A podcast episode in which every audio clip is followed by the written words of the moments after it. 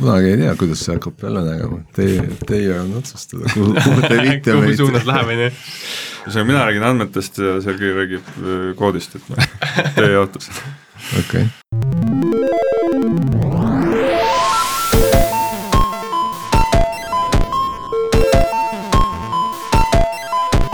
tere taas kuulama Algorütmi, täna on kahekümnes veebruar, mina olen Priit Liivak Nortalist ja koos minuga on stuudios Sergei Janikin Pipedrive'ist.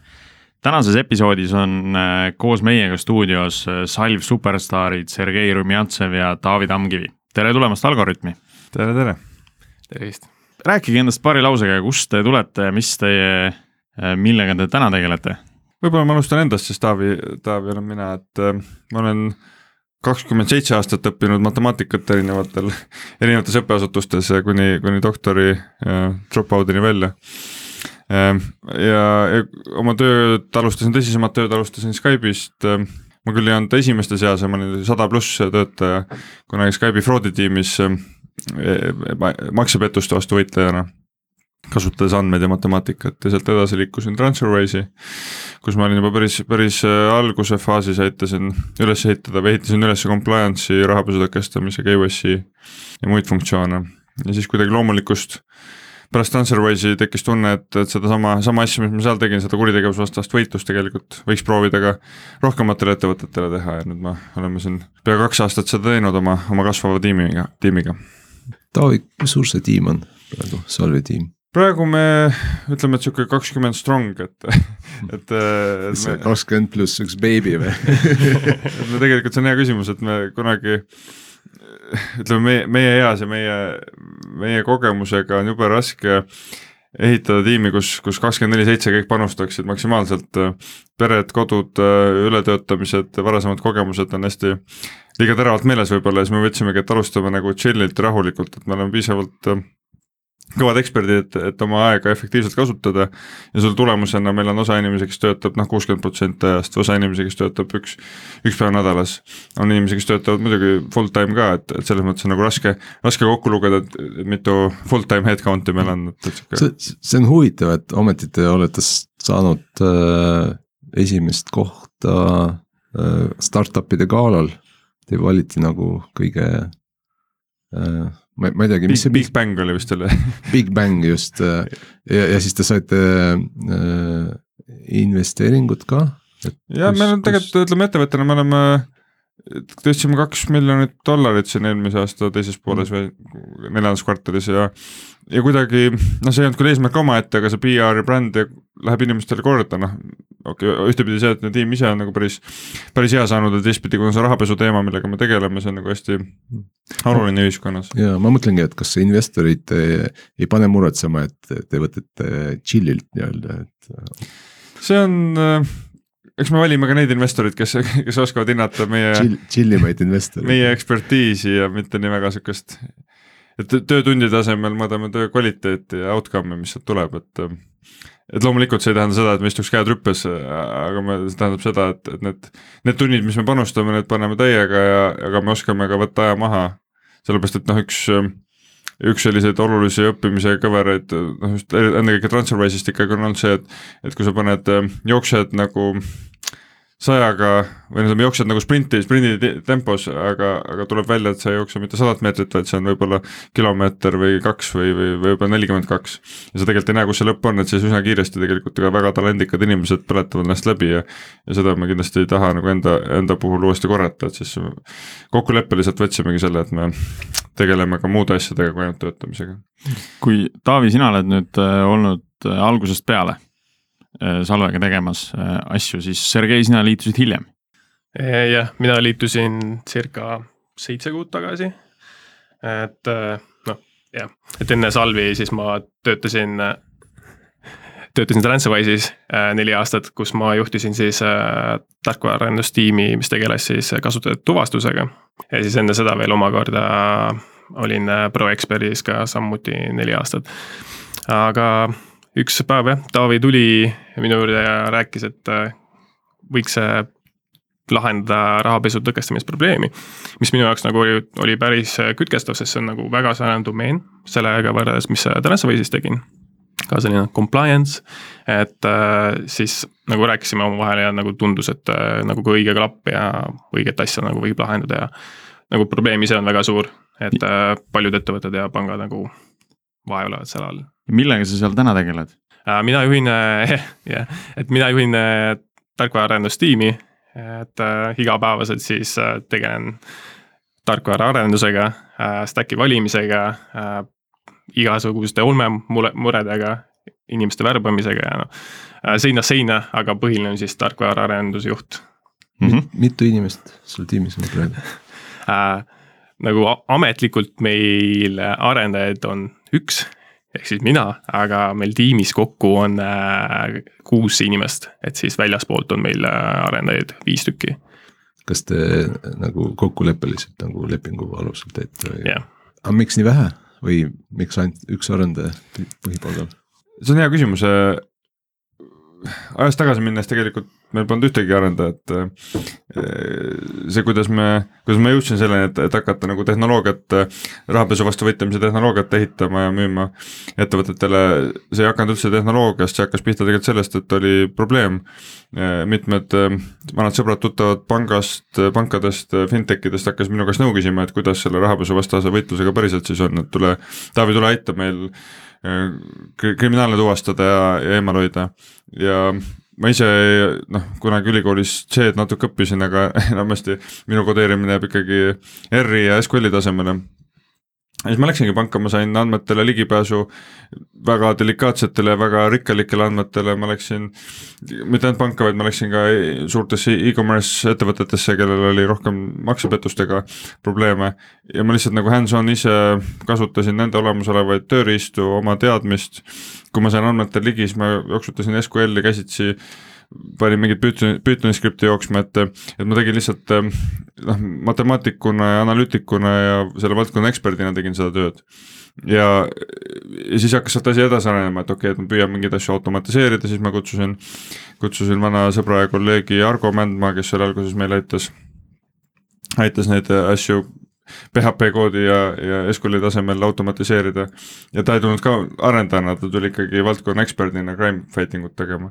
et see tuli, pigem oli sellest, et me hakkasime nagu kompetentsete inimestena seda teenust pakkuma, siis sammusid vähehaaval automatiseerima, siis noh, me ei tundnud, et me oleksime nii heas positsioonis, et päris full, full stack arendajaid hakata endale värbama, siis oli välise arendus, arendustiimi kaasamine, et kaasasime ühe inimese ja kaks ja kolm, et et see oli nagu niisugune sujuv üleminek, et aga kunagi see teadlik otsus, et me hakkame nüüd ehitama päris tehnoloogiat ja päris tooteid SaaS platvormile, et see juhtus ikkagi aasta aega hiljem, pärast seda, kui me tegelikult oma, oma ettevõttega tegevust olime alustanud. ja kui pikalt nüüd olete ehitanud seda? Nüüd oleme, ütleme aasta, aasta saab täis jah, seda päriselt nagu stack'i, stack'i ehitamist ja ja tegelikult see on hästi huvitav õppetund on, on see, et et see majaväliste arendajate kaasamine, mis tihtipeale kõlab võib-olla riskantsena, siis tegelikult äh, ma julgustan seda tegema, et kui need inimesed noh, meil on väga tugev tiim, kellega me, kellega me koos töötame, kellega me oleme koos Transferwise'is ennem koos töötanud, äh, me teame neid inimesi, töömeetodeid, kõike, et siis tegelikult lõppkokkuvõttes ei ole suurt vahet, et kas nad on nüüd minu payroll'i peal või nad on oma payroll'i peal. et, et noh, loomulikult see motiveerimine käib samamoodi nagu, nagu oma töötajate puhul osalused, optsioonid, palgad, kõik, kõik muud missioonid, arusaamised, mida me koos ehitame. et loomulikult me ei saaks seda kvaliteetset asja teha nii, et me tellime lihtsalt tüki tööd kellegi poolt kuskilt kaugelt, kaugelt, maadelt, et, et see eeldus on jah see, et, et see oleks ikka piisavalt lähedane tiim. ja selle, selles mõttes ja teine, teine probleem muidugi on see, et, et Eestis värbamisega kui me eelmine aasta keskel võtsime tööle omale noh, ma ei tea, otsisime tootejuhte või rahapesu tõkestamise eksperte või, või mis iganes muid inimesi, siis pigem need inimesed jõudsid ise meieni välja, endised pangajuhid, kes üks tuli Swedist, võttis meiega ise ühendust, tahtis või noh, väga-väga lihtne oli, oli teda endale tööle värvata. aga tipptasemel arendajaid on, on väga raske olnud värvata et meil on vaja olnud ennast tõestada, miks me eelmine aasta noh, võitsime siin, eelmise aasta kõige ägedama selle startup'i tulija ähm, bränd, auhinna, et ega noh, me ei teinud seda edvistamiseks, me tegime, kandideerisime sellepärast, et meil on, meie tuntus siinsel noh, tööjõuturul oleks piisavalt kõrge, ehk siis meie threshold oleks, oleks selline, et üle mingi piiri meie vastu hakatakse ka huvi tundma nagu just nagu äh, senior arendajate mm -hmm. community's, et see on päris oluline. et, et see on see, miks minu jaoks oli hästi suur avastus üllatus, ma teadsin küll, et noh, tipptasemel tegijaid on vähe, aga et kui palju raskem on selliseid inimesi värvata, kui tipptasemel endisi pankureid või tooteinimesi isegi aga äh, võtame korra sammu tagasi, teeme ühe sellise vanaema testi ka, et millega siis äh, Salv tegeleb. kui nüüd peaks äh, vanaemale selgitama, et mis, mis asja, noh, tõkestate rahapesu, ehitate tugevaid uksi pankadesse või, või mida? me aitame, see on hea küsimus vanaemale sõnastamiseks me aitame pankadel nende oma andmeid ära kasutades aru saada, kes on head kliendid ja kes ei ole võib-olla nii head kliendid Äh, ja, ja nende puhul, kes ei ole nii head kliendid, siis teha ka vajalikke samme selleks, et äh, neid raporteerida sinna, kuhu on vaja. aga räägi, must raha, mis see on tegelikult? see on tegelikult, kui te mõtlete laiemalt kuritegevuse peale maailmas, äh, et siis noh, kurjategijate eesmärk on ennekõike raha teenimine, eks ole. et noh, et on inimsuse vastased kuriteod võib-olla, mis on, ma ei tea, vägistamised ja muud, mis ei ole raha teenimise eesmärgil, aga enamus, valdav osa kuritegevust on ikkagi, et keegi tahab rikkaks saada, eks ole.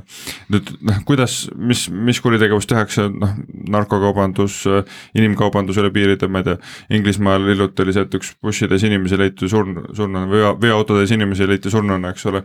et mis oli hirmus noh, suur draama, aga see oli see, et keegi teenis raha selle pealt, et neid inimesi noh, liigutada ühest riigist teise illegaalne, ma ei tea, elevandiluu ele,, elevantide tapmine Aafrikas elevandiluu hankimise eesmärgil, illegaalne relvakaubandus, noh, kõik sellised asjad, mis tegelikult teenivad cash'i mm -hmm. siis äh, kurja, kurite-, kurjategijatele aga see hunnik cash'i tegelikult ei ole väga abiks, sellepärast et äh, nad ei saa selle cash'i eest osta endale Prantsuse Rivieras kortereid või villasid või lennukeid.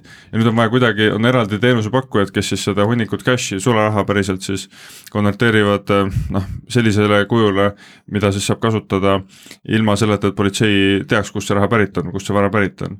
ehk siis seal on nagu hästi-hästi palju samme, kuidas vara ühest formaadist teise konvertida, noh, ma ei räägi ainult pangaülekannetest, ma räägin, ma ei tea, kuld, vääris, vääriskivid, kinnisvara, ettevõtete osalus, laenud, liisingud, hoiused, whatever, et seal nagu meeletu suured skeemid, kuidas seda hunnikut sularaha, mis asub kuskil riigis X, konverteerida siis noh, luksusautoks kuskil Monacos ja, ja ütleme, see kogu see pikk protsess, noh, et see kurjategijate raha nüüd päriselt kurjategijate või omanike varaks konvertida, siis see ongi noh, rahapesu, mis siis mm. kätkeb endas noh, mitte ainult pankasid, seal on tohutult palju teisi ettevõtteid ka, aga pangad on üks võtmekoht, kuna, kuna läbi selle struktuuri liigub, on nii lihtne liigutada seda musta raha eh, tänapäevased tehnoloogiad. Eh, ja suurtes kogustes. just, et, et on nagu hästi noh, järjest kiiremini tänu sellele, et maksete tehnoloogia areneb, nagu faster payments'id API integratsioonid, BSD2-d, e-wallet'id, kõik muud, mis, mis nagu järjest tulevad, mis lõpptarbijatel on jube ägedad, aga paraku on ka kriminaalid kõige varasemad adapterid sellistele tehnoloogiatele. et noh, numbrid lähevad ilusti üles, kasutajaarvud tõusevad, mahud kasvavad ja siis, kui keegi hakkab sisse vaatama, siis saab aru, et tegelikult suur osa sellest on, on üsna kahtlane tegevus. noh, aga täna probleem ongi see, et keegi eriti ei vaata sinna sisse ehk siis äh, Salv teeb nüüd äh, tarkvara, mis pannakse panka andmebaasi külge ja see tõstab kõik vajalikud punased lipud üles, kus, kus iganes kahtlane tegevus toimub. vanema tasemel võib niimoodi kokku võtta küll, tehnoloogia tasemel on vähe keerukam see asi. oh, väga hea, nüüd me, nüüd me jõuamegi sinna huvitavama, keerukama tehnoloogia tasemeni, et äh, alguses sa rääkisid sellest, kuidas kõige esimesed versioonid käisidki PHP ja SQL-i peal eks, oli seal veel midagi, oli see lihtsalt PHP äh, rakendus, mis SQL-i vastu baasi käima lasi. Need SQL-id olid ju, kuidas käsitsi kirjutatud, eks, et ega seal mingit äh, äh, peenemat loogikat ei olnud selle päringu kokkupanemiseks. jah, tegelikult isegi enne PHP-d oli lihtsalt minu enda käsitöö, et SQL oli, oli olemas, võib-olla Excel ka natukene. aga asja mõte on see, et kui, kui suures ettevõttes on võimalik äh, andmed baasid kokku tõmmata ühte kohta töödeldavale kujule noh, ütleme, kui me räägime erinevad kuritegevuse tüübid on, ütleme rahapesu poolest ei ole isegi see reaalajas tegutsemine alati nii tähtis, noh loomulikult kiiremini on parem kontrollida, kuna noh, pätid proovivad liigutada oma vara võimalikult kiiresti. aga ütleme kaardimakse, kaardipettuste puhul on see reaalajas liikumine veel tähtsam, eks ole. ehk siis, kui on ettevõte, kelle kõik andmed, ma ütlen mitte kõik, aga ettevõte, kelle kliente ja nende tehinguid ja kliendi mingit metainfot koguvad andmebaasid on võimalik tõmmata ühte kohta kokku, ühte masinasse, ühte baasi. ja kui see on mitte ofuskeeritud kujul, ehk siis ma näen päriselt inimeste nimesid e, emaili aadresse, telefoninumbrid, kõike muud. ja ideaalis jookseb see info ka reaalajas, siis ma tegelikult oma kogemuste pealt, selle ettevõtte enda teadmiste pealt suudan kirjutada hunnikus SQL-e, mille, mille tulemusena ma leian üles tehinguid, mida parem ei oleks läbi lasta, ma leian inim, üles inimesi, kelle kohta noh, paremal juhul tahaks nagu lisaküsimusi küsida, et kust nad oma raha said või miks nad seda tehingut teevad. mille järgi see asi üles leitakse, lihtsalt tead neid äh, pättide nimesid ja? nime järgi ja kui on, on ähm, Abdul või või Sergei äh, nimes sees siis, et siis, siis on kohe kahtlane. jah, et seal ongi hästi-hästi kirju, kirjus, me jõuame ütleme super, ma ei taha öelda supervised learning, aga aga inimkeeles on tegelikult see supervised learning, et mille alusel neid pätte leida. et üks on see, et on käitumine, mis tegelikult ei ole omane tavainimese, ütleme mõistlikult, majanduslikult mõistlikult käituvale inimesele või ettevõttele. et keegi noh, kui sina saadad mulle raha, mina saadan sulle tagasi ja siis saadad uuesti, uuesti mulle, ma saadan uuesti tagasi. väga kiired, väga suured summad liigutamised, nad ei ole majanduslikult see noh, kui sa ei suuda tõlgendada, miks, miks seda tehakse, eks ole.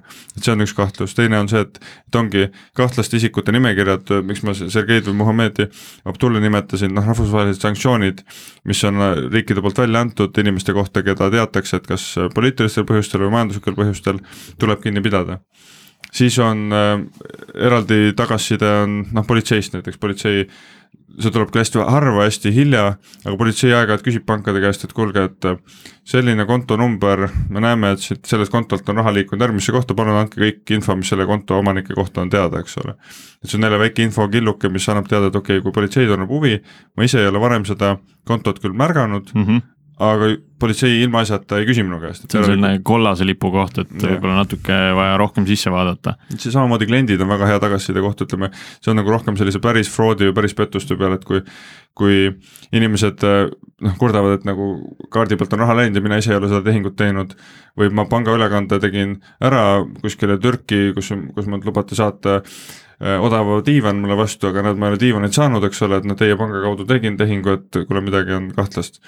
Või noh, palun saatke mu raha tagasi, jällegi see annab mulle treeningpunkte, et, et okei okay,, selline muster, noh, sellised entity'd või sellised andmepunktid võivad olla seotud pettustega mm. -hmm. ja, ja noh, ütleme seda, eks mõte on selles, et, et ei ole ühtset kohta, kus seda treening datat koguda, pigem on see inimeste kogemus suhtlusvõrgustiku tasemel, erinevate kuritegevuse tüüpide puhul liigutatakse, on see informatsioonile ligipääs erinev et kui me räägime, ma ei tea, viirusetõrje tarkvaradest, eks ole, või räägime küberrünnakutest, et siis need suuresti tuginevad sellele, et sul on nagu mingi network noh, erinevate ettevõtete, erinevate asutuste vahel, kus siis need vihjed ja indikatsioonid liiguvad, et ükski ettevõte ei, ei suuda üksinda efektiivselt tegutseda.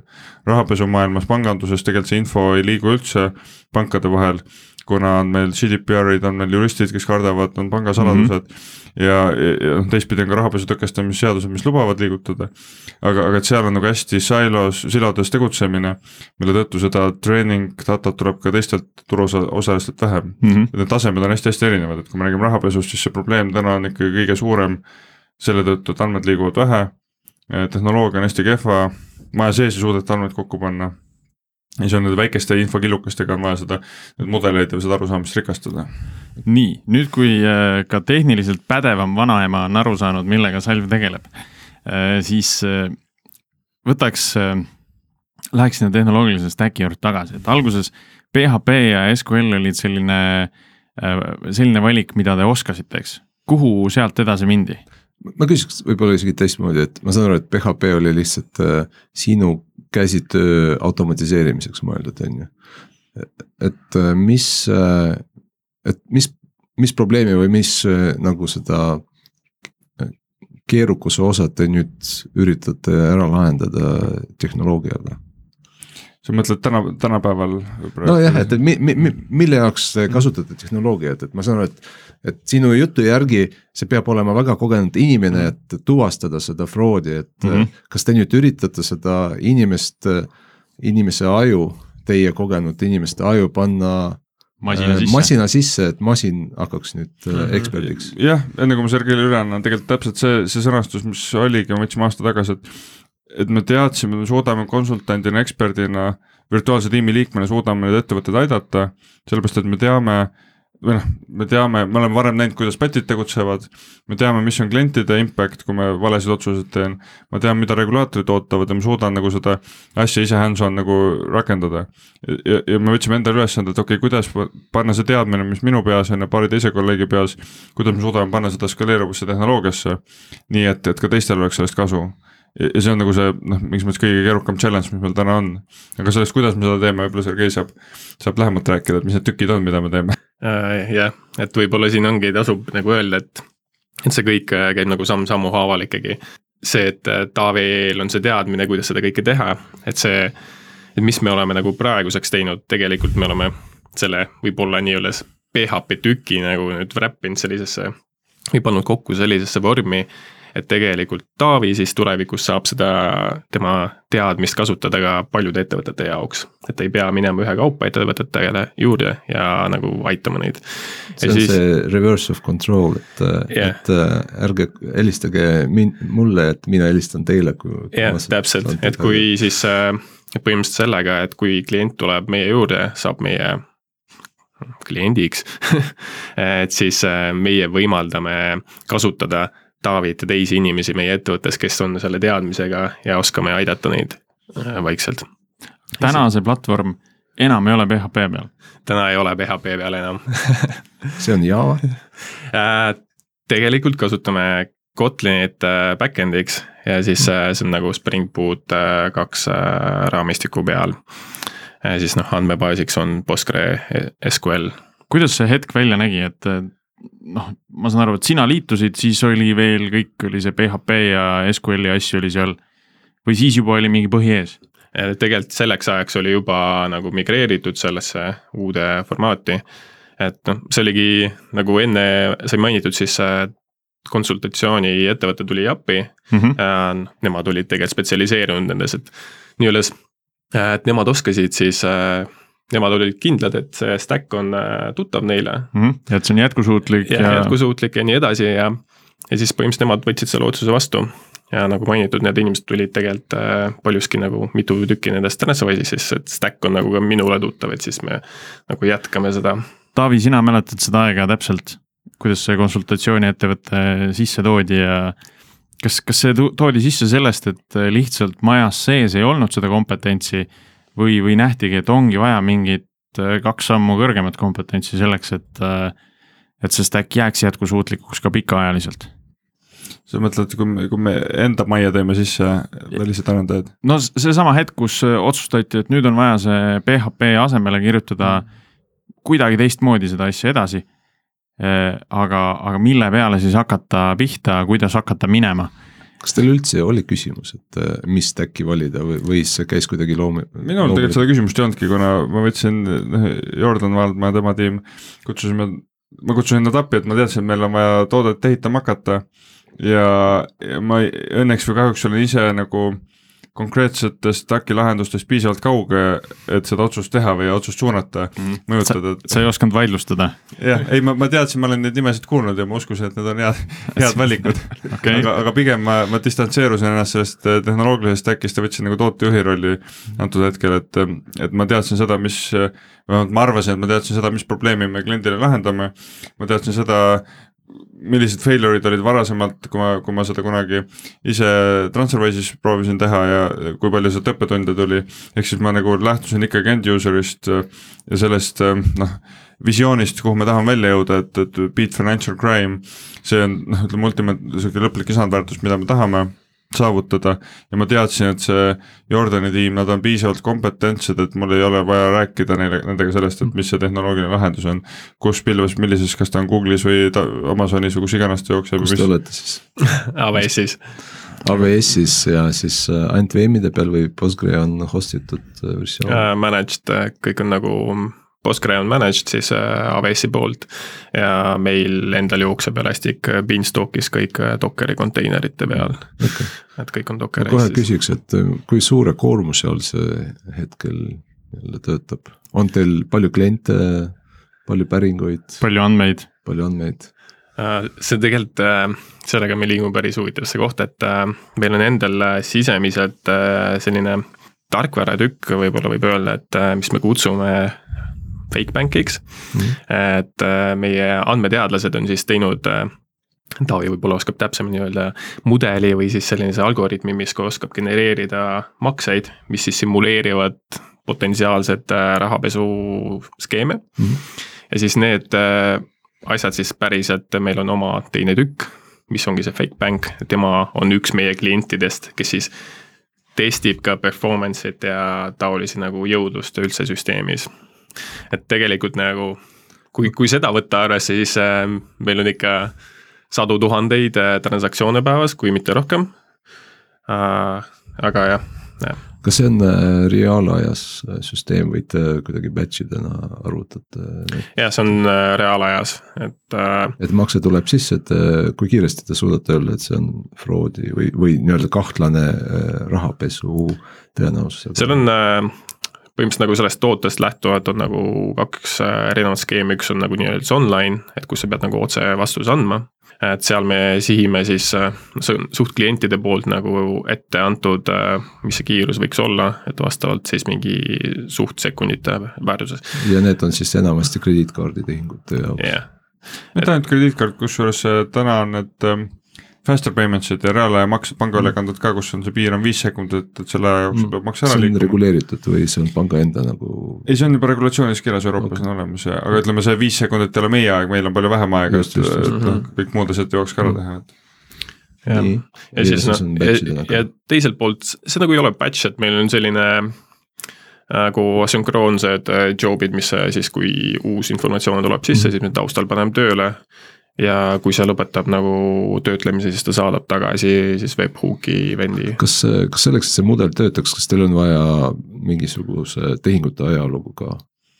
Ja see on, mida rohkem, seda parem ja mida rikkalikumalt andmeid on, seda parem. et loomulikult seal on nagu mingid piirid tulevad ette, et noh, esimese, esimese kliendi või kliendi algus, integratsiooni alguses me ütleme, et noh, poole aasta andmed võiks olla, et noh, siis tekib mingisugune ajamuster, mingisugune kasutajate ajalugu, mille pealt siis saab nagu agregeeritud näitajaid arvutada. kas pangad muidu on okei okay sellega, et te host ite AWS-is äh, managed äh, jah, ei, eks, eks see on selline äh, tegelikult äh, hea teema, et äh, kus me jõuamegi, on see, et äh, see turvalisus on päris suure tähtsusega meile ja nagu Taavi just ütles, siis pangad üldiselt nagu ei ole nõus äh, sellega, et nemad äh, siis on, üldiselt nõuavad on-premise'it. mm.?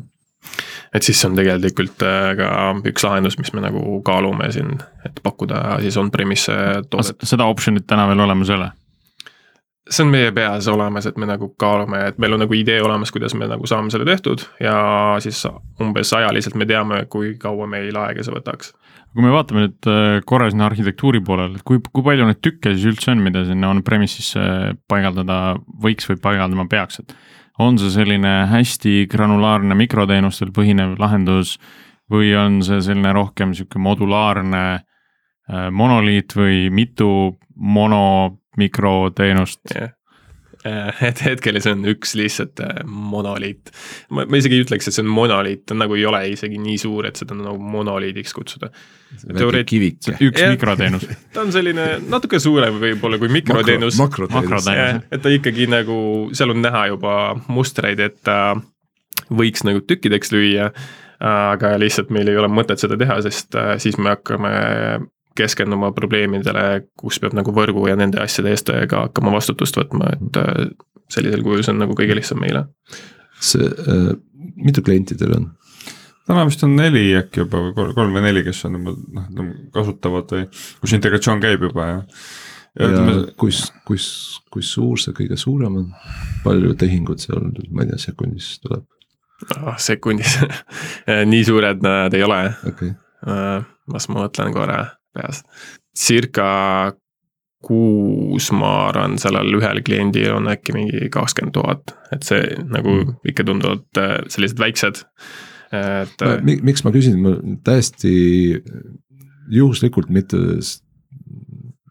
sellepärast, et me siin räägime täna, eile ma rääkisin, mul oli kaks vestlust äh, samal teemal, et üks inimene arendab siis ühele pangale sellise äh, ekspertsüsteemi, kus äh, noh, on teatud reeglid, samamoodi nagu anti-money laundering spetsialisti poolt on mingid parameetrid paika pandud, et. et kui makse suurus on üle selle, on ennem selle maksja poolt ei ole raha sisse tulnud, ei ole sisse kontrollitud, siis see peab minema spetsialisti juurde muidu maksavad, saavad otse minna, hästi lihtne lahendus mõned if'id, mõni, mõni parameetrite tabel, mida noh, on vaja tulevikus muuta või tüünida.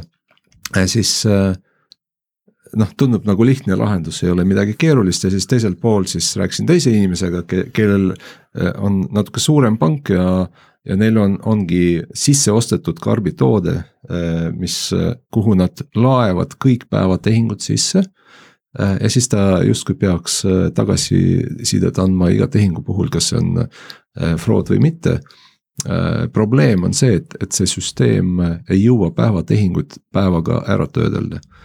see on väga hea küsimus, ma, see on mitu tahku on sellel, et, et ühtepidi mm, ma ei tea küll, mis pangale sa viitad, aga, aga kui ma mõtlen meie.... mõlemad on Eesti pangad. mõtlengi just, et kui ma mõtlen tagasi meie Skype'i kogemuse peale ja tänased inimesed, kes siinsamas Mustamäel eh, noh, reaalajas arvutavad miljardeid tehinguid eh, päevas. et, et noh, tegelikult see ei ole noh, by design tehnoloogiline probleem, see on lihtsalt see inimeste oskuse ja võimekuse küsimus. et tav tavaliselt, ütleme, see on ka üks, üks aspekt, mida me lahendame, on see, et tänapäeval on rahapesu tõkestamise süsteeme muidugi turul olemas, nad pärinevad aastast seitsekümmend, kaheksakümmend, kus ei olnud noh, tänasega võrreldes üldse mingeid andmeid, eks ole. ja nad ei suuda, noh neid süsteeme ei suudetagi kiiremaks tuunida, eks ole. et see on üks alus, mis meil on, et me peame noh nullist uh, uut koodi ehitades peame nagu väga kiiresti andmeid uh, suutma töödelda. teiseks, no kuidas me seda saavutame, üks challenge on see, et um, et sellise enterprise turule müümine väikesel ettevõttel võtab hästi kaua aega, no suurtel ettevõtetel võtab kaua aega. samas arendajad mul iga päev küsivad, et anna meile rohkem kliente, et me saaks õppida, anna kasvõi väikseid kliente. me tahame nende pealt õppida, oma toodet paremaks teha, et see pressure on kuigi ma tean, et, et noh, järgmise panga võitmine võtab kaksteist kuud aega, et ehitame nii kaua, ehitame korraliku toote valmis, aga see feedback on puudu. ehk siis see on täpselt see üks põhjus, miks me tegime selle fake panga, mis siis genereerib ise neid nii-öelda siukse eh, kunstliku panga andmeid, me saame seda andmete mahtu tõsta sealt nii, kuidas me heaks arvame, vahepeal ma andmeteadlastele ütlen, et keerake nüüd jälle kümme korda juurde andmeid, et vaatame, mis juhtub et see on nagu hästi hea toote valideerimine. Ja kolmandaks ongi seesama see tark eh, mudelite kasutamine, et kui Sergei rääkis ennem seda, et, et osatehinguid, mida me tahame tõesti reaalajas tšekkida, kus on vaja otsus kliendi poolt teha, et kas me seda konkreetset tehingut laseme läbi või mitte. Aga rahapesumaailmas on tihtipeale ka see, et see üks tehing ei ütle mitte midagi. et ütleb see inimese käitumine viimase kolme kuu jooksul. ja siis ei ole mingit vahet, et kas me nüüd selle tehingu kohta teeme laivis otsuse või me arvutame öösel keerulisemate mudelitega. või ma ei tea, kord nädalas kasvõi arvutame keerulisemate mudelitega selle inimese käitumise, hälbed tema käitumises, lingid teiste klientidega. eks siis need päringud ja reeglid võivad ka olla piisavalt keerulised, et nad ei jooksegi reaalajas läbi, mis on fine, sellepärast et eesmärk on ikkagi laiemat kuritegevust ja gruppe tuvastada, mitte seda ühte tehingut kinni panna. ehk siis võib juhtuda, et see ühekordne tehing justkui läheb läbi, aga tagantjärgi siis äh, vaidlustatakse võib-olla mingi suurem ports tehinguid, mis täpselt sellesama just, et kui te panete konteksti näiteks seesama Eestis läbi käinud skandaalid Danske ja Sweden, mis on rääkinud, seal keegi ei pahanda ühe tehingu pärast, eks ole. mure oli selles, et võeti noh, pika aja jooksul võeti pardale noh, kliente, keda ei oleks pidanud võtma. Nad kliendid olid omavahel, kindlasti nad olid lingitud, ma ei ole neid andmeid oma silmaga näinud. aga ma olen täitsa kindel, et seal mingid IP aadressid langesid kokku, mingisugused emailid langesid kokku, mingid äh, päris aadressid langesid kokku. et, et lihtsalt ja see network tekkis ka aja jooksul ja probleem oli selles, et mitte see, et üks tehing läks läbi, aga see, et keegi seda network'i ei suutnud mõistliku aja jooksul üles leida. ja, ja seal ei olnud küsimus see, et kas ta toimub reaalajas või mitte, vaid küsimus oli see, et kas kuu või aastatega midagi leitakse. et see on see andmekaevanduse probleem, mida ei suudetud lahendada. kas teil, sa ütlesid, et teil on monoliit, aga teil ikka mingi äh, machine learning'u elemendid ka äh, kasutuses? no see on fake panga poolel hetkel läinud okei okay,, et ehk see andmete genereerimine pigem mitte, mitte pattern'ite tuvastamine. jah, ütleme matemaatikuna ma ütlen seda, et andmete genereerimisel ei ole midagi machine learning'uga seotud, et see on nagu simuleerimine. või see on juhus, juhuslikud andmepunktid. küll aga noh, me teame seda, et on, ka selles maailmas on tootetükke, mida täna teevad, või tehnoloogiatükke, mida ütleme, mida täna teevad lõppkasutajad, noh mingisugune reeglite valmis kirjutamine, mida, kui meil mahud suurenevad, siis saame täitsa rahulikult anda mingite otsustuspuude või random forest itele teha ja noh, me oleme väga, väga selgelt ära map inud seda mingi viis, viis-kuus probleemi, mida rahulikult saame anda masinale üle. lihtsalt täna me oleme selles faasis, kus meil ei ole piisavalt andmeid ja piisavalt kliente, et seda efektiivselt teha.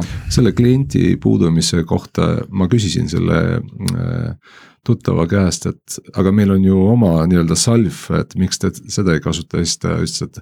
aga küsin enda käest, et millal nad saavad sinna Gartneri nagu tippkvadranti, et siis me võib-olla meie juhid otsustavad neid ka kasutada, et kaua teil aega võtab sinna Gartneri jõudmiseks? noh, Eesti tasemel läks üsna kiiresti, et tippu jõuda tuntuse poolest, aga tõesti, see on see, selle eh, keerukus, et, et kui Eestis on ühe panga filiaal või äh, allüksus, omanikud on kuskil teises riigis, äh, kes siis vaatavad hoopis teisi näitajaid kui seda, kui hea see toode on, nad ei võrdle võib-olla seda, nad vaatavad seda, kui tuntud see toode on, kui, mis ta prestiiž on.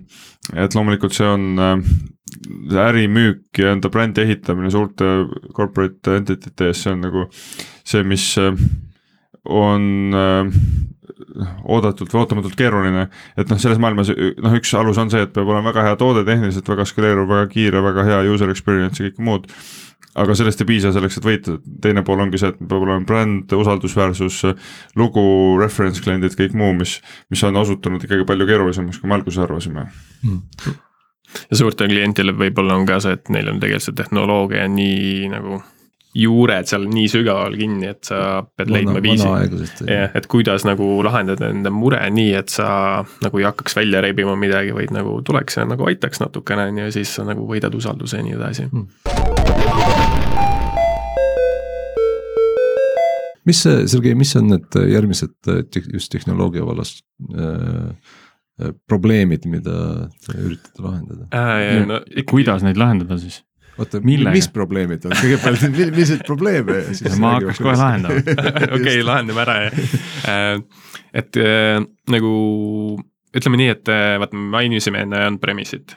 hetkel see on selline, meil on nagu ideed, me ei ole sinna väga palju aega panustanud, me nagu kujutame ette, kuidas me liiguks. see ilmselt oleneb ka kliendist klienti, et mis nendel seal all on. oota, aga räägi ära ikkagi, mis teie mõtted on, kuidas, vot nüüd, nüüd me jõuame sinna, et kuidas te üritate seda lahendada meil on panga infra, eks ole, väga, nende käest vist ei saa ka küsida, et andke meile selline kast ja me paneme enda yeah. soft'i sinna äh,. hetkel meie nagu mõtted on nagu sellised hästi pealiskaudsed, nagu meie ideaal oleks see, et me saame nagu Dockeri konteineri nendele anda mis siis Shipide. tõmbab, ship ide. panete lao-, laevale ja ship ime sinna lihtsalt ära ja siis noh, Dockeril on äh, hea lihtne ka pärast uuendusi nagu siit peale võtta. et see oleks nagu kõige lihtsam meie jaoks. kui palju üldse noh, pangandussektor on, on ka väga reguleeritud, äh, samamoodi nagu äh, ravimitööstus. et ravimitööstuses mina olen kuulnud täitsa selliseid lugusid, et äh, enne kui see Docker konteiner seal on-premise käima pannakse. See tuleb saata siis äh, kliendi poolele, kes võtab selle lahti ja juppideks ja vaatab, mis siin, mis seal sees on. ja, ja alles siis nad teostavad selle paigalduse, et, et päris sellist äh, continuous deployment'i noh, sellisel juhul üldse teha ei annagi. Jah, see, see on äh, üks asi, mis me kardame, et nagu reaalsus tegelikult ongi selline, et ilmselt me peame nagu väga head juhendid andma, kuidas nad teevad. Ja siis anname enda koodi neile lihtsalt avalikult kättesaadavaks. või noh, siis nagu poolavalikult, et see ettevõte saab nagu jätta sellele no ma saan aru, et kuidas töötab äh, rakenduse puhul, aga, aga andmebaas, kas teil on plaanis seda ka konteinerina ship ida või, või te annate nii-öelda skeemi kätte ja siis nad äh, ise. ja pigem noh, rakendus oskab iseennast nagu käima tõmmata ja siis nagu kogu skeemi sinna peale panna mm. -hmm. et nemad siis peavad defineerima, kus see andmebaas asub ja nagu õiget, õige suurusega ja kõik pikas plaanis see tähendab, et te peate tõenäoliselt hakkama ka erinevaid äh, andmebaasi mootoreid toetama äh,. väga võimalik. See on hästi huvitav jällegi väljapoole zoom ides, et et tänased turupraktikad on see, et kui keegi ostab mõne vanakooli tarkvara omale rahapesu vastu võitlemiseks, et siis tüüpiliselt läheb just pankade poole pealt läheb üks poolteist aastat või kaks aastat aega, et seda integratsiooni teha, ütleme. see aeg, kui leping on allkirjastatud, kuni selle ajani, et päriselt inimesed saavad hakata kasutama igapäevaselt, poolteist, kaks aastat. ja noh, loomulikult me ütleme ol-, nagu me ei ole seda läbi teinud ise suurte pankadega, me ütleme, et come on, et noh, see on nagu nonsense nii pikk aeg, et noh, me suudame poolteist kuni kaks kuud ära teha selle. mida ka fintech'ide väikeste ettevõtete puhul on täiesti reaalne, mida me oleme palju kiiremini teinud aga me tegelikult ei tea, mida me ei tea või mis see keerukus on. et üks on see noh, jällegi andmeteadlasena ma ütlen seda, et, et kui selles meie target pangas on need andmebaasid, andmetükid, mida tegelikult on mõistlik koguda nendesse mudelitesse, on nii erinevate kohtade peal. siis on vaja ehitada mingisugune andmete kogumise microservice, mis korjab kokku ideaalis reaalajas, noh praktikas see on suhteliselt võimatu kogub need andmed kokku või siis on iga, iga andme andmeid koguv microservice siis omaette hakkab saatma meie, meie platvormi vastu oma enda, noh, ma ei tea, üks masin saadab kaardiandmeid, teine koht saadab meile pangaülekanded, kolmas saadab kliendi andmeid, siis on vaja kokku join ida need ühe, ühtseks andmemassiiviks. et seal seda keerukust paistab päris palju üles tulevat. kas on ka võimalik, et äh, pank üldse struktureeritud kujul selliseid andmeid ei kogu, mida teil vaja oleks? Äh, noh, ma siin täitsa puusalt viskan õhku, et mingid IP aadressid näiteks jooksevad logidesse, aga nad ei jookse Äh, kuskile sinna transaktsiooni kirjesse andmebaasi. Mhm. ja by design, by design ongi see, et ei olegi sellist ühtset kohta, et, et veel kord, see on noh, see, see on ka see, miks see probleemi lahendamine täna nii keeruline on, et ei ole ühtsel kujul andmeid. et see andmete, kui sa ütled mitu allikat, see ei tähenda ilmtingimata mitut andmebaasi, vaid, vaid see võib tähendada ka hoopis selliseid struktureerimata andmeid kuskilt äh, logidest või, või muudest nii-öelda, ma ei tea, võrgulogide kirjetest mingid asjad liiguvad läbi. Ja, ja tegelikult ütleme ka see, et, et kui me räägime reaalajas maksete töötlemisest ja otsustamisest, noh, mingisugune rule engine, kes siis töötleb makse, makse makseid haldavas microservice'is töötab maksed, siis enne, ammu enne seda, kui see andmebaasi kuskile jõuab üldse, tegelikult noh, see laivis olevad andmepunktid on vaja saata üle või noh, mõistlik saata üle meile. siis meie paneme, teeme omalt poolt arvutused ära, paneme kuskile baasi ka ja saadame vastuse üle API tagasi juba, eks ole. ja päriselt baasis maandub see tükk aega hiljem, eks ole, nende poolt ka. et noh, need on need kohad, mida me noh, me püüame adresseerida oma sõnumit hästi lihtsalt, et saatke ainult kliendi andmed, noh, ütleme noh, isikuandmed ja makseandmed, noh, pangaülekande andmed, noh, need kaks nii-öelda kaks, kaks entity't, et noh, alustame sellest, et me IP aadressid, kõik muud noh, võiks ka olla, aga see on nagu tuleviku unistus, et nad, see ja küsimus ei ole see, et kas meie suudame vastu võtta, noh, me suudame vastu võtta, kuna me ei ole eeldefineerinud seda andmeprotokolli, mis formaadis need andmed peaks tulema, noh JSON-is tulevad. täna te olete natuke sellises kohas, kus te peate ühesõnaga töötama nende andmetega, mis teile antakse. ja, ja, ja sellest tegema nagu häid järeldusi, mitte te ei saa, te ei saa veel defineerida öelda pangale ette, et kuulge, te peate nüüd hakkama seda asja ka koguma. kusjuures seda me tegelikult ei tahagi isegi öelda, me, me, me saame soovitusi anda mm, -hmm. aga see on oluline nõrkus jällegi, kui vaatame ümberringi, mis teistel või, võistlejatel on, kompetitoridel, et nad ütlevad selle konkreetse andmemudeli ette ja siis pangad higistavad, et seda konkreetset struktuuri kokku panna, mis on nagu noh, võib-olla nad ei kogugi seda andmepunkti, siis on vaja mingisugust mm -hmm. nullväärtuse tekitada. et see on hästi hästi oluline nagu overkill, mida tegelikult nõutakse, aga mis te, noh, me näeme, et me suudame ilma selle nõudmiseta ehitada. nüüd ma läheks võib-olla detailidesse, mul on äh, väga praktiline probleem. Äh, Pipedrive ehitas äh, sellise, ühesõnaga Pipedrive'is tegelikult fraudi ei ole olnud, ei ole olnud probleemiks, sest noh. ei ole tuvastatud oota, kuule lõpuni, et jälle lihtne põhjus, et, et selle kaardi makse eest sa saad toodet kasutada, on ju, aga sa ei saa nagu seda väga edasi müüa, et sa noh, sisuliselt firmasiseseks kasutamiseks. mis tähendab, et väga li-, väga raske nagu see varastatud krediitkaardi ähm, raha, rahaga noh. ümber töödelda. jah, nagu ümber töödelda või rahaks teha, on ju. Äh, äh, kuni selle hetkeni, kui me tõi, lõime võimaluse helistada Pipedrive'ist äh, nii-öelda kre, krediidiga või rahakrediidiga ja, ja kusjuures selle juures oli ka naljakas, et, et teatud perioodi, perioodi jooksul, kaks-kolm kuud äh, ei olnud mingit probleemi, aga siis äh, meie andmed siis postitati kuskil äh, Fraudi foorumites ja siis äh, fraudsterid hakkasid äh, üritama seal küll on noh, jällegi meil on Twilio äh, kasutus, kes üritab omakorda kuidagi äh, takistada. Äh, küll krediitkaardi makset on noh, kui on võimalik, siis kasutame 3D Secure'i. aga endiselt on mingisugused tüübid, kes üritavad ja loomulikult noh, chargeback'id lähevad üles. ja nüüd on küsimus, et kas me saame kuidagi salvi äh, kasutada mis see kasutajaliides, mis me teeme, on ju, et, et meil on selline e-commerce. meil on mõned äh, krediitkaardi andme, krediitkaardid, mis võib-olla on fraudulentsed. mis me teeme nüüd? ärge meie juurde tulge, tulge okay. et tegelikult ütleme sellel tasemel on ikkagi mõistlik eristada seda konkreetset rahapesu tuvastamist ja, ja otsest fraudi või kaardipettusi. et nad on noh, need tehnoloogiad, mis turul saadaval on, nad on väga erineval tasemel, ütleme see, see klassikaline fraudi tuvastus, maksepettuste tuvastus, see on üks viis aastat ees rahapesu tuvastusest. et seal on äh, mitu asja, mis nagu toimib, üks on see targad masinõppe algoritmid ja väga head provider'id, kes neid pakuvad. seal on seesama see efektiivne andmete jagamine, andmevahetus erinevate osapoolte vahel.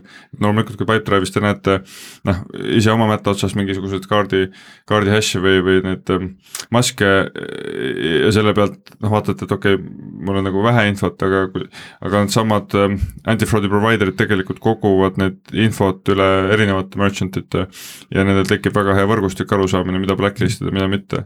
et selles mõttes et need fraudi tööriistad on nagu, ma ütlen, viis aastat ees EML-ist, selles mõttes meie juurde ei tasu tulla.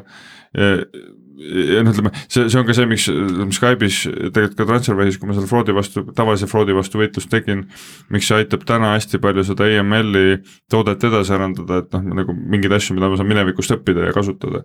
aga need ootused ja lähenemised ja meetodid on ikkagi rahapesu tuvastamisel erinevad, üks on see, et andmed ei liigu osapoolte vahel teine on see, et regulaatoritel on väga tugevad nõudmised, et mis ei ole, ei lange kokku üldse sellega, kui hästi sa rahapesu peatad, vaid, vaid lang-, vaid kui hästi sa langed kokku seaduslike nõuete ja nende ootustega.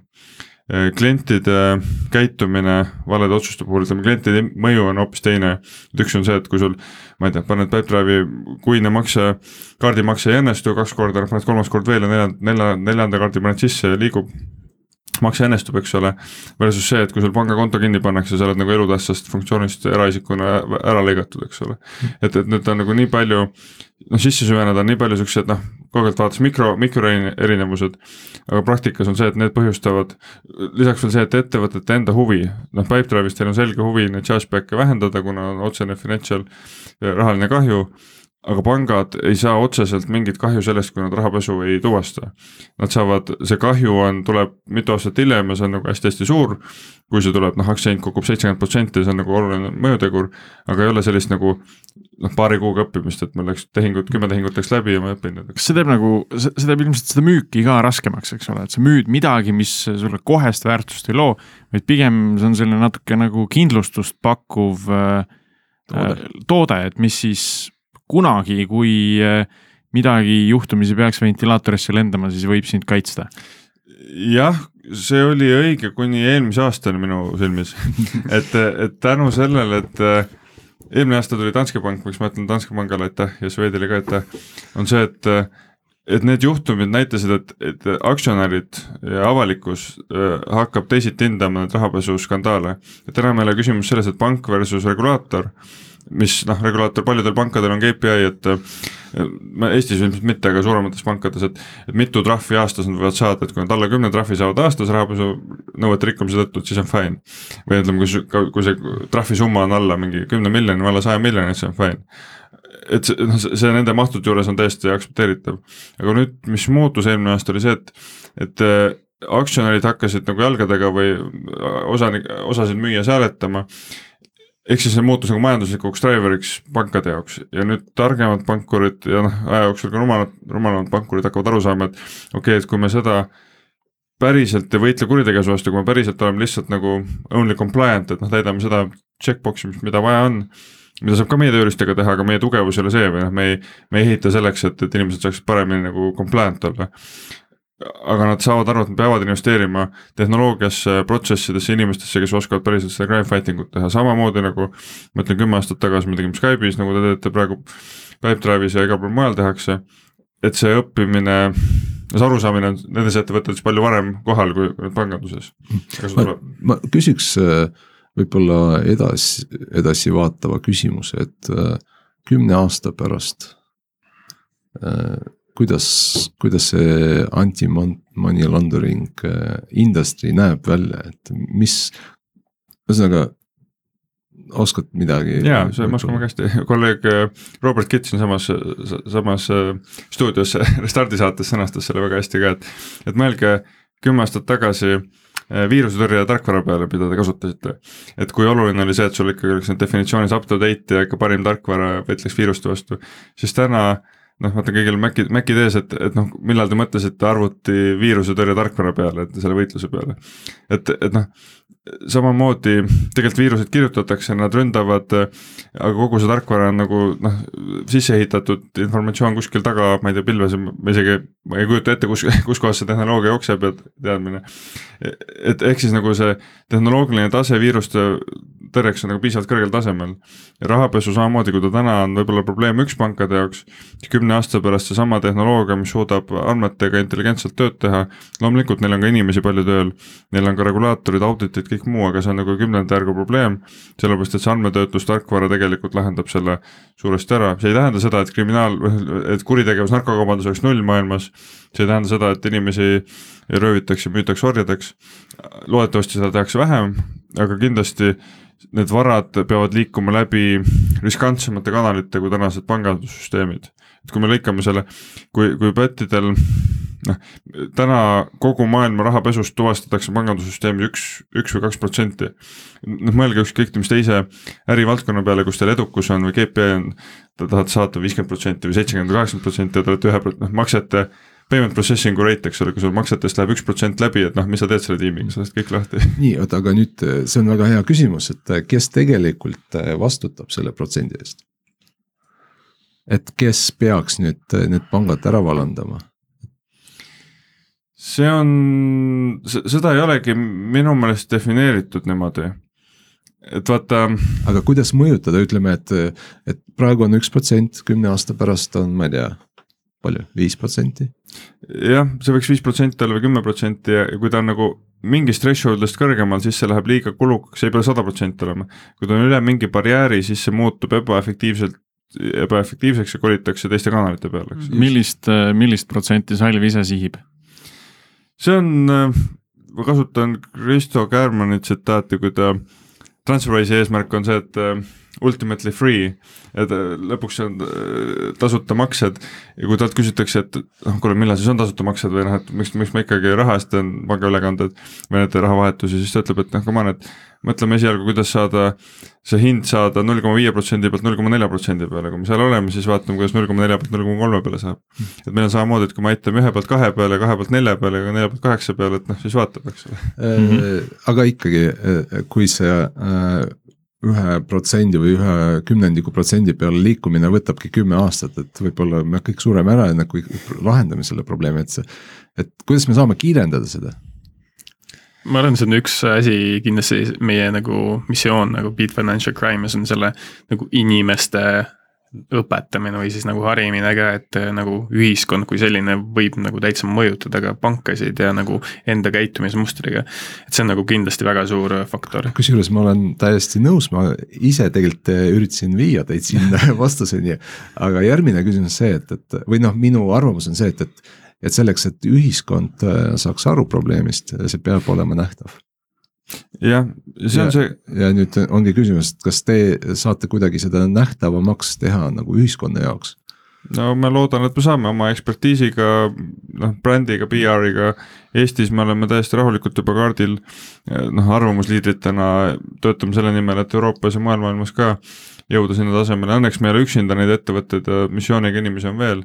minu meelest jube hea tegelikult näide sellest, kui kiiresti suudab äh, lehelugejate ja meedia koostööl noh, nii-öelda meediamull või noh, tegelikult heas mõttes meediamull muuta päris ettevõtted, mõelge tagasi Panama Papersite peale kaks tuhat kuusteist, kui äh, tuli hull noh, uudised välja, et need Panama äh, ütleme, milliste rikaste inimeste raha sealt offshore firmade kaudu liigutati ja nüüd, on avalik statistika selle kohta ka, et kui palju oli enne seda kahe tuhande kuueteistkümnendat aastat pankades offshore firmade kontosid.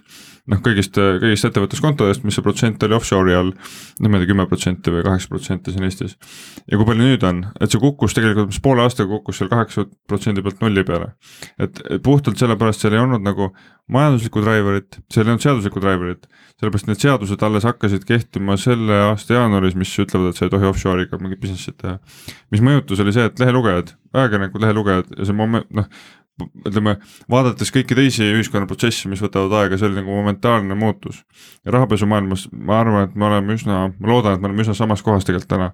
et see, et ütleme Danske pangale aitäh, ütleme, räägime sellest, et Inglismaal inim-, bussides inimesi leitakse surnuna ja, ja noh, seal on nagu vaja sihukest head noh, meediatõuget, inimeste arusaamine, noh mõelge selle peale, noh meie planeedi keskkonnaaktivistid, Gerda ja teised, eks ole, et, et kui palju, kui lühikese ajaga tegelikult see muudab inimeste mõtlemist ja see omakorda mõjutab äh, seadusandjaid ja mõjutab otse ka siis väga-väga suuri organisatsioone. kas teie klientide nimekiri on avalik? meil on mõned kliendid, keda me oleme nimetanud jah, LHV näiteks. aga kas see ei ole kvaliteedimärk, et teie kliendid panevad oma veebilehele, et meie kasutame Salvi nii-öelda anti-money laundering teenuse, teenusena ja selle tõttu me oleme puhtamad? jaa, see on väga hea küsimus. Ja vastus on see, et, me oleme peaaegu juba sealmaal Eestis olemas. et äh, see ongi see, mis, miks ma räägin, see enterprise müük on keeruline, see ei ole see, et ma käin ühe panga ukse tagant teise taha, aga ma pean rääkima seadusandjatega, järelevalvajatega, äh, noh, erinevate ministeeriumitega, pangaliitudega.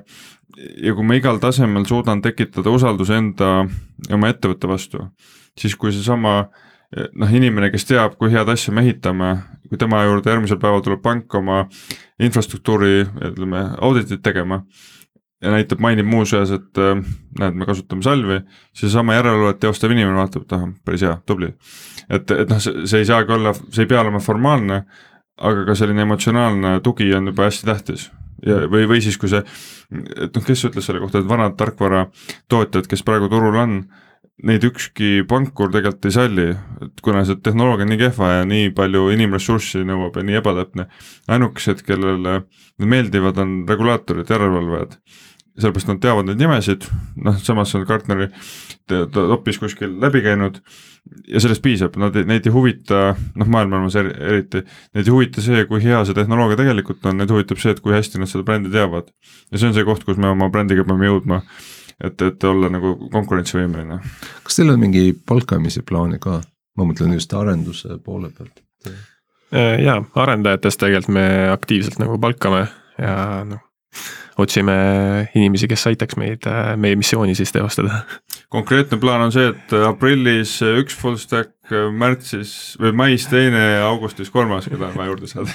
et mitte aprillis üks tiim äh, see on jah, see on see, kuidas me Pipedrive'is äh, oma palkamist, mingi hetk meil oli istusime Timo Henk, mina ja mõtlesime, kuidas me planeerime, kui palju me järgmine aasta arendajaid palkame minu lähenemine oli väga, väga lihtne, okei okay,, et mitu arendajat meil oleks vaja viie aasta pärast. või, või kolme, ma, ma täpselt ei mäleta, mis see, ühesõnaga ma panin nagu pika horisonti. ja siis me arvasime, et no võib-olla meil on vaja kuuskümmend arendajat, noh kolme aasta pärast. kui täp-, kui täpne see oli? Eh, ütleme nii, et, et äh, nagu öeldakse, et enne on mõte, siis on äh, tegu, on ju et, et, et nii nagu me planeerisime, nii meil läks. Ma ei oska nagu seda selgitada, et kas me osk-, oskasime hästi ennustada või me lihtsalt panime plaani paika ja, ja tegime selle järgi mm. -hmm. aga, aga minu point on see, et kui me arutasime tagasi, et kui palju meil on vaja, mis on see mugav äh, tempo, millega palgata selleks, et meil kolme aasta pärast oleks kuuskümmend inimest äh,. siis tuligi välja, et kvartalis me peame ühe sihukese väikse tiimi ära palkama, on ju, et, et et siis me hakkasime niimoodi palkama. Aga see on hästi jälle hea teema, sellepärast et noh, nagu me ütleme, et me oleme well-funded uh, ambitious world-changing early, early phase startup. et, et noh, need inimesed, kes liituvad sul sajanda arendajana versus need, kes liituvad teise arendajana, et mentaalselt ongi hästi-hästi erinevad, eks ole. ja ma olen näinud, et inimesed, kes on noh, suures tiimis väga-väga efektiivsed, tublid, nad ei suuda väga varajases faasis hakkama saada ja vastupidi ka loomulikult. et me kindlasti otsimegi teistsuguseid inimesi, kui, kui noh, sina, eks ole, või teie oma ettevõtetesse. pluss veel see, et mis ma ise olen vaadanud, et, et seesama ütleme, formaalselt sama tehnoloogia või sama toode, mida me Transferwise'is ehitasime ehm, noh, kolm-neli aastat kümne, kümne pluss viieteist arendajaga, kogu aeg oli ressursist puudu, oli vaja kogu aeg juurde arvata, siis nüüd me oleme teinud noh, paari väga hea inimesega seitsme kuuga valmis. et see teadmine, mis tootejuhtidel peas on, see teeb ehm, tiimi enda kompetents see teeb selle asja nagu kümme korda kiiremaks ja efektiivsemaks. et see on see, mis äh, iga üksiku inimese mõju on sada korda suurem kui sada korda suuremas ettevõttes, eks ole. kui sa juba tead, mida ei ole mõtet teha, siis sa muutud just, et see vigade vältimine, et, et see, see, ongi see mindset, mida me täna tegelikult otsime, et me ei otsi nagu neid inimesi, kes meil kolme aasta pärast äh, noh, loodetavasti nagu kolme aasta pärast alles, aga kolme aasta pärast me otsime ilmselt nagu teistsuguse taustaga inimesi, tuleb vähemalt teistsuguseid kui praegu. no see on võib-olla inimesed, kes nagu on valmis nagu selliseid võtma mingi ise eesmärke ette ja nagu juhtima neid, et kuna tiim on nagu ikkagi väike, siis on vaja seda nagu sellist iseseisvust äh,, potentsiaalselt tulevikus ka tiimi juhtimist, et nagu inimesed on, nad ei pea nagu omama seda kogemust, aga neil peab olema see selline ambitsioon. ambitsioon jah, et nad nagu on valmis seda nagu proovima kunagi. aga mis nad vastu saavad? kogemus. Need on juba kogenud, ma, ma äh, saan aru, et tegelikult otsitakse juba kogenud inimesi. Nad saavad rahapesuvaba tulevikku jah, kusjuures on tõesti müstiline see või noh, positiivselt müst-, müstiline, et, et kui palju see missioon tänapäeva inimestele korda läheb, et ka Eesti väga ägedatest startup idest, kes on suured ja maailma muutvad, aga nad on, tegelevad võib-olla asjaga, mis ei ole nii selgelt äh, inimese väärtushinnangutega kokku langev. et äh,, et noh, see, ma ei tea, tõukerataste rent on küll äge, aga, aga noh, kelle probleemi see lahendab, eks ole, ma ei taha midagi halba selles suunas öelda, aga mis ma olen nagu kuulnud ja lugenud lihtsalt. selle, selle kohta ma küsiks äh, äh, jälle viimane uudis äh, Eesti tööturul on see, et äh, väidetavalt MyJari äh, arendusmeeskond läheb siin nii-öelda. paneb turu, poe kinni. pannakse kontor kinni, et ja need on, ma ütleks, et kui mõelda väärtuste pea, inimeste väärtuste peale, et peaaegu et vastand on ju, noh, ütleme gambling ja sihuke kiirlaenud versus money laundry. et kas te võtaksite sealt inimesi või, või kuidas te nagu hindate seda inimeste äh, väärtusi? seda ei saagi panna niimoodi äh, eelnevad reeglid paika, et sealt firmast võtame, sealt ei võta, et pigem see on inimeses kinni, mina ise, ise oma tegelikult enne Skype'i ma töötasin ühes Eesti pangas vanasti laenukontoris, mis andis kiirlaenusid välja. et, äh, et kui me kõik suudame õppida õppida ja oma väärtusi aja jooksul paika loksutada aga, aga jah, mitmed inimesed, kes ütlevad ka, et see ettevõte, kus ma praegu töötan, noh, tõesti unicorn, maailma muutev ettevõte, aga ta tegeleb esimese maailma probleemidega ja ma tunnen, et minu mõju on palju suurem, kui ta saab päriselt noh, vähekenegi aidata kaasa sellele, et kuskil, ma ei tea, mingi narkodoos jääb müümata tänaval või keegi jääb surnuks piinamata kuskil, eks ole. et see on noh, loomulikult, kui ma siin räägin, see tundub nagu müstiliselt suur ja kauge eesmärk, aga, aga need tegelikult inimesi motiveerivad need asjad väga palju ja need, neid, keda see ei motiveeri, loomulikult need pigem ei tule meile, et me ei targetagi neid. ühesõnaga, täna te olete kohas, kus, kui seda tehnoloogilist stack'i nüüd vaadata, et siis te ikkagi pigem otsite inimesi, kes suudaks seda tehnoloogilist stack'i ka suunata. et siin ei ole midagi, mis on paigas ja lukus, et äh, noh, on ju, on ju suuri tiime, ka suuri startup'e, kes otsivadki Node'i arendajaid, Java arendajaid, sellepärast et see on neil nende põhiplatvorm, eks ole, täna teie olete äh, Kotlini peal, aga ma saan aru, et ega seegi pole lukus äh,. täpselt nii, et äh, meil on nagu, läheneme sellele pigem nii, et meil on probleemid, mida me peame lahendama.